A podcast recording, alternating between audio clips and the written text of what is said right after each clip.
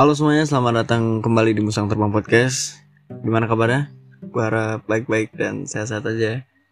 Buat yang lagi nyetir dan lagi di jalan, tetap fokus dan jangan teralih. Oh, Oke, okay.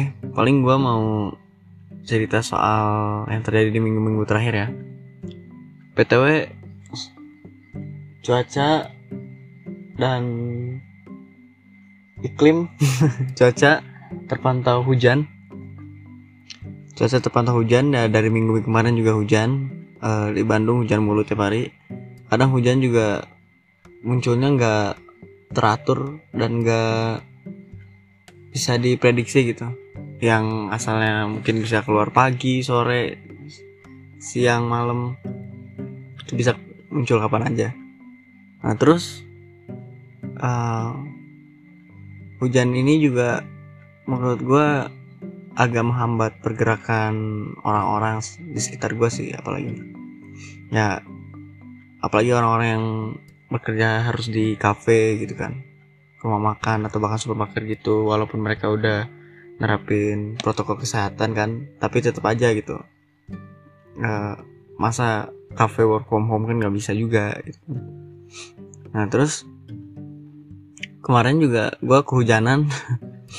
Kehujanan gue uh, sampai dua kali. Nah terus yang terakhir ngebuat gue masuk angin. Nah kenapa gue bisa kehujanan? Atau kenapa nggak pakai jas hujan? Sebenarnya gue bawa jas hujan. Cuman kadang gue males aja gitu pas lagi di jalan nih. Terus uh, ngeluarin jas hujan terus dipakai dulu yang posisinya waktu itu jaraknya udah deket gitu. Ya kan males gitu. Mendingan di aduh labasin aja dah. Ah terlanjur nih kayak gitu aja. Tapi ya tetap aja kehujanan gitu. Kalau misalnya jaraknya masih jauh ya kayaknya gue pakai dah tuh jas hujan. Ya ya gimana kan? Kalau misalkan udah deket kan agak gerget juga gitu kan. Uh, udah deket. Apalagi kalau misalkan kita lagi di jalan jauh nih. Terus uh, jas hujan udah dipakai nih. Ah berhenti dulu nih jas hujan nih. Pas sudah dipakai eh pas bawa bentar berhenti hujannya. Aduh ya gitulah. Terus jas hujan gue juga pakai yang gocengan lagi.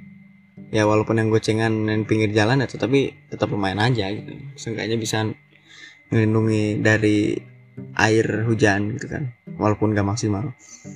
Hujan juga menghambat bisnis yang melibatkan cahaya matahari kalau menurut jadi kan butuh cahaya matahari itu maksudnya contohnya bisnis di treatment sepatu nih.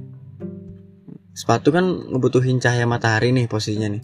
Nah tapi di hari-hari sebelumnya itu hujan melulu sedangkan sepatunya diambil besok misalkan. Nah berarti kan belum selesai itu kan sepatunya. Nah jadi ngebuat si bisnis treatment sepatu itu tuh uh, di antara harus membuat inovasi baru atau enggak nyewa pawang hujan gitu.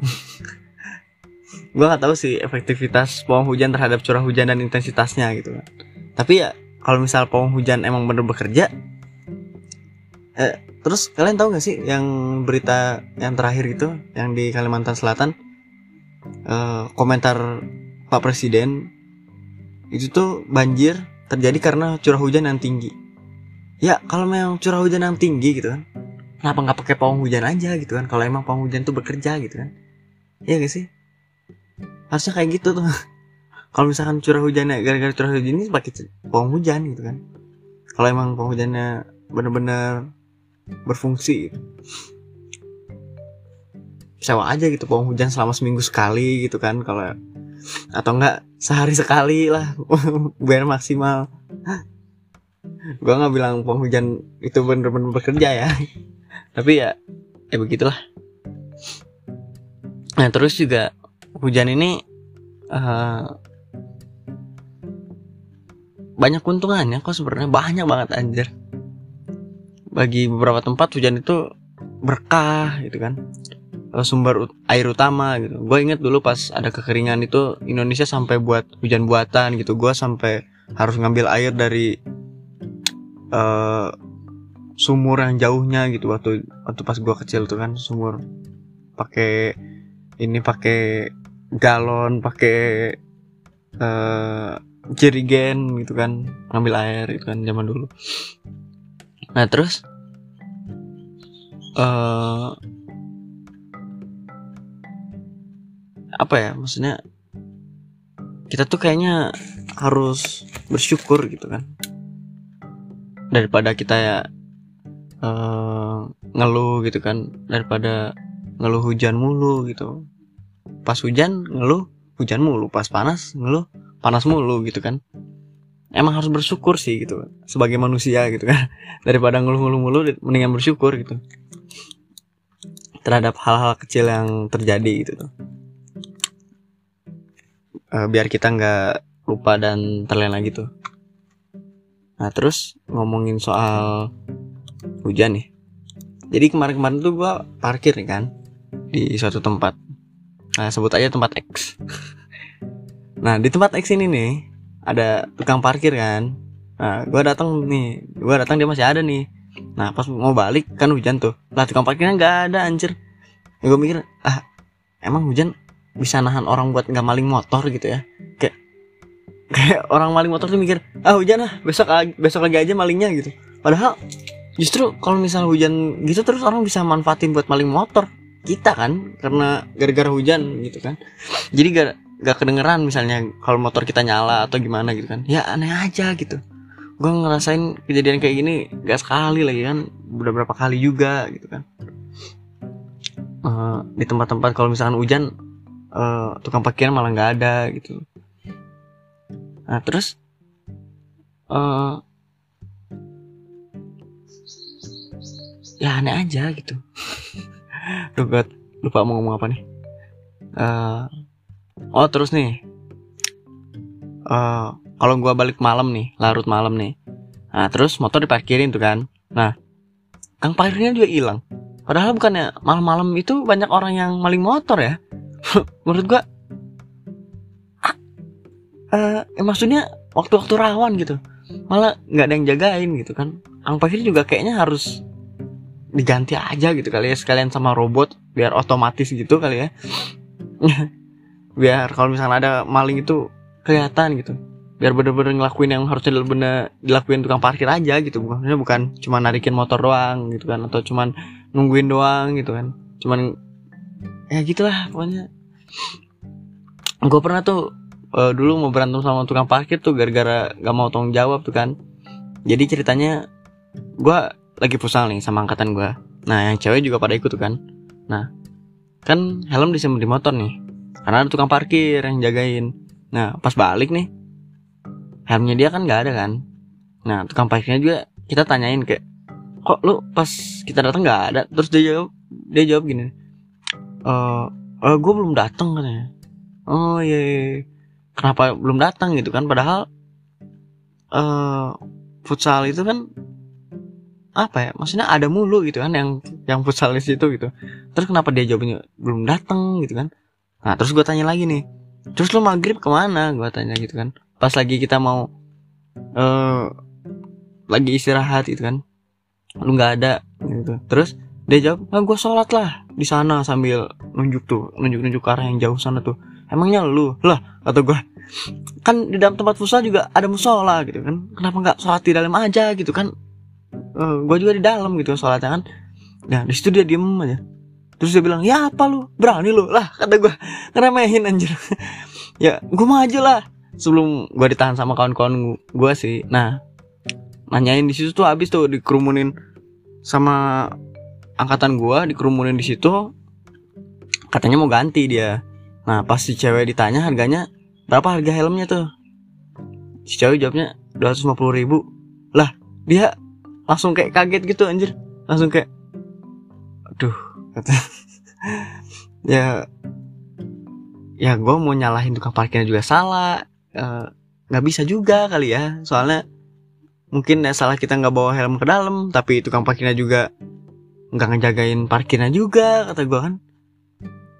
Ah tapi ujungnya helm temen gue tuh diiklasin sama si ceweknya. Ya udahlah diiklasin aja mau gimana ya gue kasihan aja gitu. Maksudnya eh, kawan gue juga ini beli helm kan gak murah juga gitu kan.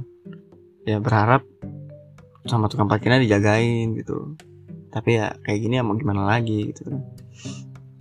Nah, kalau gue jadi tukang parkirnya di posisi itu ya ya gue kalau gue harus ke mana-mana dulu ya gue minta kawan gue jagain gitu gue telepon misalkan kawan gue jagain ini gue mau ke sini dulu atau misalkan uh, minta gantiin dulu kek ke temennya atau ke siapa gitu. Soalnya biasanya juga yang jagain parkir di situ nggak sendiri gitu banyak orang.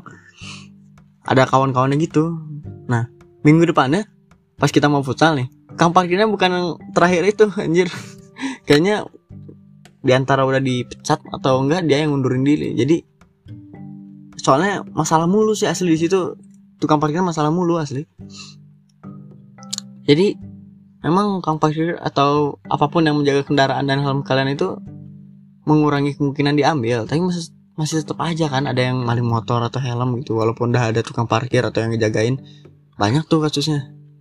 Yang kang parkir juga gak mau tahu uh, terus gak tahu harus gimana gitu. Kalau kendaraan hilang kan eh ya gue tahu gitu. Pasti uh, kalian yang dengerin ini juga kadang suka bersyukur gitu kalau misalkan tukang parkir nggak ada di tempat gitu.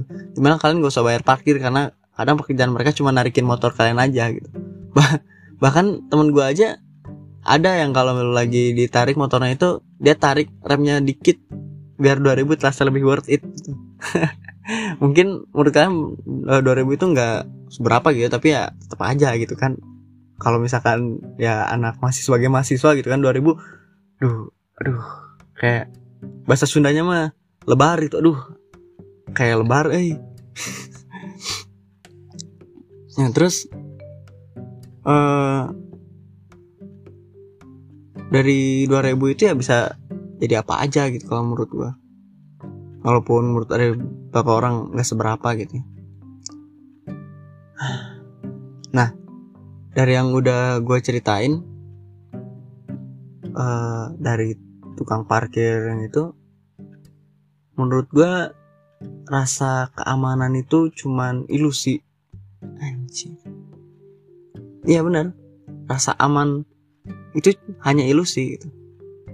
Rasa aman lu parkir motor rasa aman lu naik mobil rasa aman lu pakai helm dan contoh lainnya itu rasa aman di saat memasang sabuk di kursi pesawat menurut gua rasa aman yang lu rasain saat itu tuh hanya ilusi gitu. Membuat otak lu nggak gelisah dan ber, ber, berbuat yang aneh-aneh. Soalnya otak itu kalau ngerasa kita nggak aman itu suka aneh-aneh. Contohnya pas kita lagi mau tidur nih terus aja mau ter baru baru aja mau terlelap eh bangun lagi. Nah itu tuh yang gue baca ya itu namanya hypnic jerk ya. Nah jadi otak kita tuh menganggap kita tuh mau meninggal nih. Nah jadi dikejutin lagi biar bang biar bangun lagi noh. Pokoknya gitulah Nah, jadi ya rasa aman itu juga berlaku buat di semua hal gitu kayak nyimpen file di laptop gitu kan ah aman ah nyimpen di laptop lah biar nggak di HP gitu kan biar aman. Besoknya laptop rusak gitu kan harddisk harus direset. Terus nyimpen file di cloud nih pas lagi dibutuhin lagi buru-buru eh cloudnya error nggak bisa diakses. Nah emang serba salah sih ya, tapi emang gitu kenyataannya gitu. Rasa aman itu cuman ilusi cuman bayangan aja biar kita tuh nggak panik gitu. Kita tuh nggak uh, biar otak kita tuh ngerasa tenang gitu. Menurut gua nggak ada yang aman di dunia ini gitu. Semua hal juga bisa ter terjadi gitu di seaman apa seaman apa pun itu gitu. Bahkan dengan keamanan tertinggi aja masih bisa dibobol gitu kan. Web dan database dengan pengamanan dan enkripsi enkripsi tinggi aja masih bisa dihack gitu. Semua hal bisa terjadi aja gitu. Nah tapi gue juga kurang ngerti sih sama ngomong soal bank itu. Bank itu kita tuh percaya uang nih ke bank ya. Tapi biasanya pulpen-pulpen di bank tuh ada kayak tali atau enggak karet-karet yang buat ngikat si pulpennya ke bank itu kan. Jadi ya kayak kita tuh mempercayakan uang kita pada mereka. Sementara mereka itu enggak mau mempercayakan sebuah pulpen kepada kita gitu. Loh gue kayak gimana gitu ya ah tapi itu buat bahasan lain kali aja kali ya. Uh, mungkin sekian buat episode kali ini. Mohon maaf kalau ada salah ngomong atau kesindir beberapa orang. Ambil aja yang baiknya. Tetap jaga kesehatan pakai masker kalau keluar rumah. Di sini musang terbang. Ceria